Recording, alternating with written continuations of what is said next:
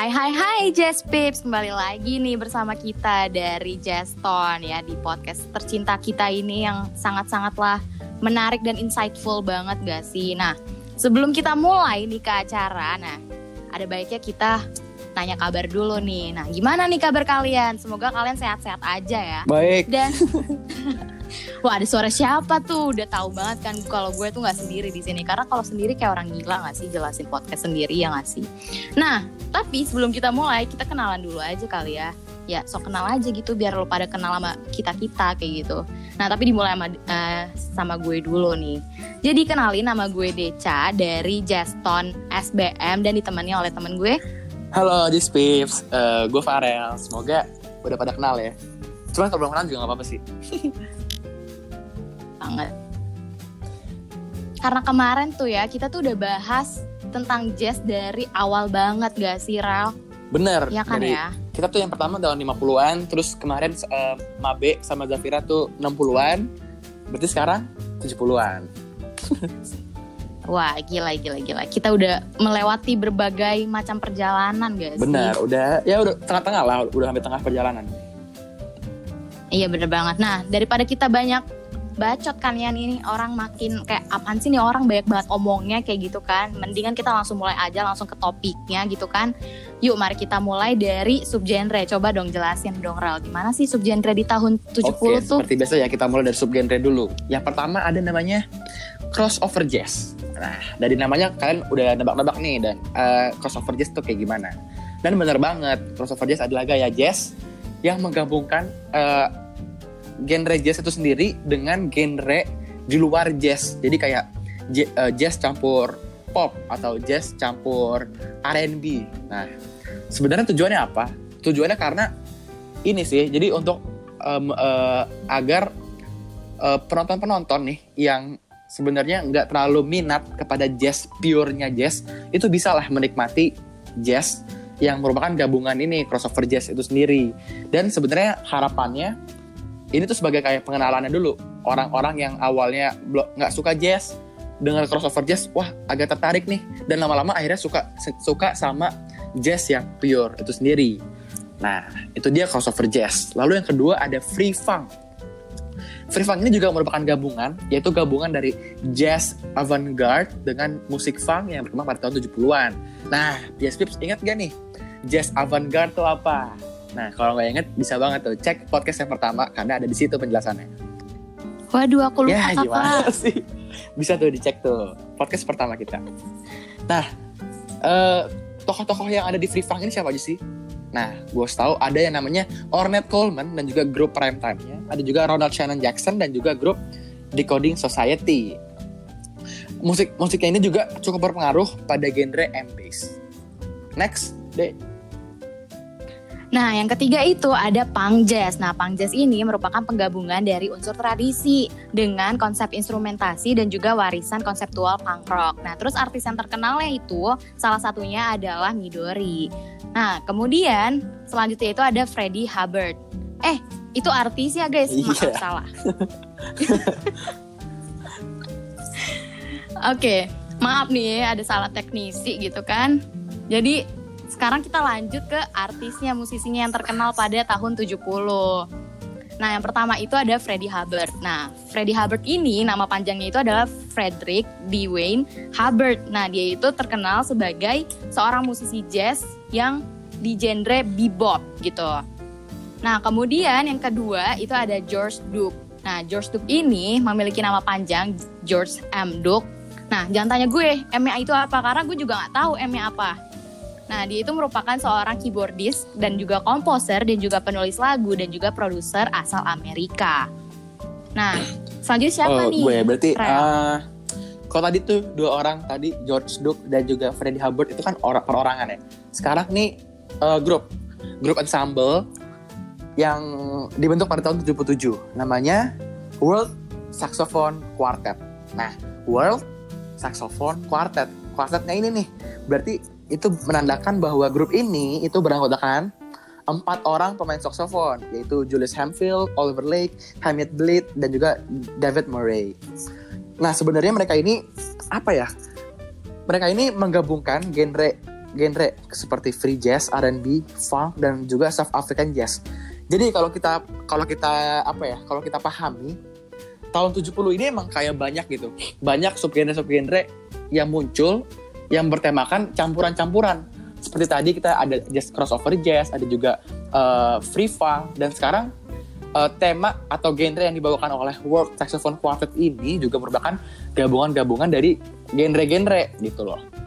Nah, mereka ini memulai debutnya itu pada album Point of No Return pada tahun yang dirilis pada tahun 77 dan juga Step In with the World Saxophone Quartet pada tahun 77. Uh, sering sering berjalannya waktu tentu ada kayak perubahan, perubahan dari anggota itu sendiri uh, atau disebut juga sebagai regenerasi anggota. Dan kalau awalnya ini cuma saxophone doang, ditambah ditambah tuh nanti ada jadi ada yang main drum, ada yang main gitar, dan juga ada yang main bass gitu. Ya tadi itu adalah uh, nama musisi-musisi terkenal yang ada di tahun 70-an. Sekarang kita lanjut nih ke karya-karya mereka atau dalam bentuk album. Yang pertama ada namanya album Inner Mounting Flame dirilis pada tahun 72 dari Mahavishnu Orchestra. Lagu-lagunya contohnya itu ada Meeting of the Spirits, Dawn, Noonward Race, A Lotus on Irish Strips dan juga lagu-lagu lainnya yang gue udah bisa sebut satu-satu.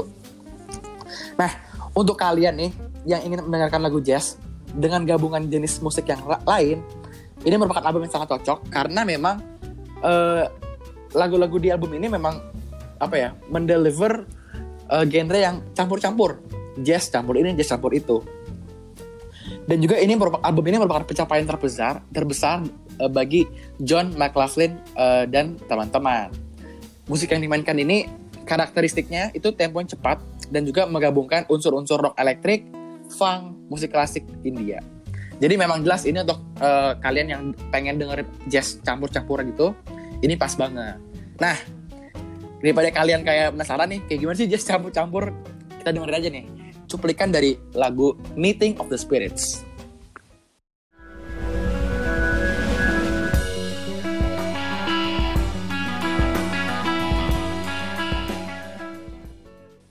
Nenek-nenek, keren banget bukan? Nah, untuk kalian penasaran sama lagu-lagu yang lain, langsunglah kepoin sendiri, karena kita nggak mungkin nge-style satu-satu. nah, terus kita lanjut nih ya, masih ada lagi nih dua album lagi pada tahun 70. Nah, yang kedua itu ada Return to Forever dari Cikorea tahun 1972. Nah, lagunya itu ada Return to Forever, kemudian ada Crystal Silence, kemudian ada What Game Shall We Play, dan ada Something Ego La Fiesta. Nah, album ini berisikan instrumen-instrumen elektronik yang dimainkan oleh si Koreanya itu sendiri dan juga dikompos sendiri oleh si Korea. Nah, kemudian yang ketiga itu ada The Hoop of Hubbard dari Freddie Hubbard tahun 1970. Nah, lagunya itu ada Without a Song, kemudian Just One of Those Things, kemudian ada Blues for Dwayne, kemudian ada The Things We Did Last Summer, kemudian ada Muse for Richard Davis. Nah, isi albumnya itu berisikan permainan trompet dari Freddie itu sendiri.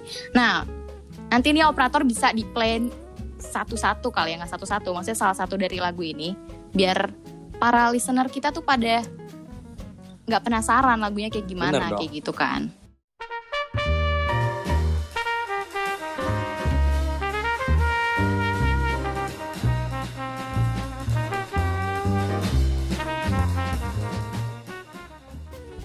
Nah, jadi itu uh, album-album yang terkenal dan juga musisi-musisi yang terkenal pada tahun 70.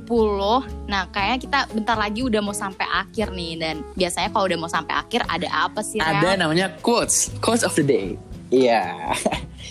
Jadi uh, gue bakal sampai ini quotes of the day podcast kali ini. Bunyinya tuh gini. Jazz is not just music. It's a way of life It's a way of being. It's a way of thinking. Anjay. Ini tuh quotes dari uh, Nina Simone. Simone kali ya. Gue gak tau cara bacanya gimana. Jadi emang bener ya, jazz itu bukan hanya sebuah genre, tapi uh, orang-orang uh, yang bener-bener into jazz itu secara tidak sadar atau mungkin secara sadar juga itu akan terimplementasi kepada kehidupan sehari-harinya kehidupan secara jazz yang dimaksud itu uh, jadi jazz itu tuh udah kayak apa ya udah mendarah daging lah gitu istilahnya dan itu menjadi kayak pembeda sih pembeda antara yang benar-benar into jazz dan juga orang-orang pada umumnya gitu sih. Gila, gila, gila sih. Keren banget gak sih jazz tuh? Wah gila sih. Nah, seperti biasa nih, kalian tuh jangan lupa terus pantengin Instagram dari kita nih, dari Jeston. Nah itu namanya Jeston underscore ITB. Karena sebentar lagi, kayak sekitar dua mingguan lagi bakal capai sama main event. Nah ada apa sih main event Nah, tuh, Rel? Jadi main event itu eh, pertama catat dulu tanggalnya tanggal 13 Maret 2021 itu akan ada eh, acara klimaks dari rangkaian acara ini gig Jeston ITB ini di mana di sana kita akan menon- menyaksikan kayak musik-musik jazz throughout the years. Jadi temanya ini benar-benar throughout the years. Jadi kita bakal ngelihat eh, musik jazz dari tahun 50-an, 60-an, 70-an, 80-an, bahkan sampai jazz di era modern ini gitu. Dan ada juga ini namanya de, apa namanya Gila, cover gila challenge. sih. Apaan sih itu cover challenge? Iya bener banget nih guys. Jadi buat kalian nih yang suka banget cover-cover gitu kan daripada nggak dimanfaatin kan mendingan diikutin aja nih challenge terus dapat hadiah lagi ya nggak sih Rel? Kayak gue tuh pengen banget deh ikut tapi gue males. Bener. Kalian tuh bisa banget tuh ngejeng-ngejeng lah di IG buat ya buat pamer-pamer ke gebetan mungkin. bisa lah, bisa. Bener banget. Terus juga kalau misal kalian beruntung bisa ditampilin di YouTube, gila kan ditonton sama seribu orang gitu kan, weh Eh, gila iya. udah jadi artis Bener, lu. mejeng, ditonton banyak orang, Kan. dapat duit kalau menang. Kurang apa? Iya. Langsung aja kali Bener ya. banget. Langsung bikin ikutan cover challenge ya. Oh iya, tapi deh sebelum sebelum berakhir nih kita ada ada pertanyaan dulu lah. Iya bener banget. Apa tuh Nah, ini- pertanyaannya tuh? Ya sedikit-sedikit ini ya, agak licik dikit. Kalian kalau nggak dengerin, ya nggak tahu jawabannya sayang banget. Jadi pertanyaannya gini, kenapa subgenre crossover jazz itu tercipta? Nah, Waduh. enggak, Susah enggak banget, sebenarnya Kak. kalau kalian dengerin tadi. Boleh lah nanti di rewind rewind dikit mah boleh. Banget tuh. Nah terus juga jangan lupa juga nih dengerin juga podcast kita dari satu sampai yang kedua tuh. Karena kan kita udah capek-capek ngomong masa nggak didengerin sih Iya. ya. Ada, Parah banget sekarang gitu ini kan, ada kan. ketiga, berarti satu duanya udah lewat. Nah sebenarnya eh, masih ada dua lagi nih, yang 80 dan 90-an ya. Jadi stay tune Iya, aja untuk banget. podcast podcast podcast podcast kita berikutnya. Nah, sebenarnya kita udah selesai dan gue pengen ngucapin makasih untuk Just Pips yang udah ngikutin podcast ini dari awal sampai sekarang. Dari episode 1 lalu episode 2 sama Mabe dan Zafira dan sampai sekarang juga masih setia dengerin kami. Eh, seperti biasa tetap semangat, tetap tersenyum dan juga eh, stay tune untuk episode podcast kita berikutnya. Ada dua, dua episode lagi. Nah, eh, udah sih sebenarnya. Thank you guys. See you. Just See you. Just, Just on, to the bone. just to the bone. Asik. Thank you guys.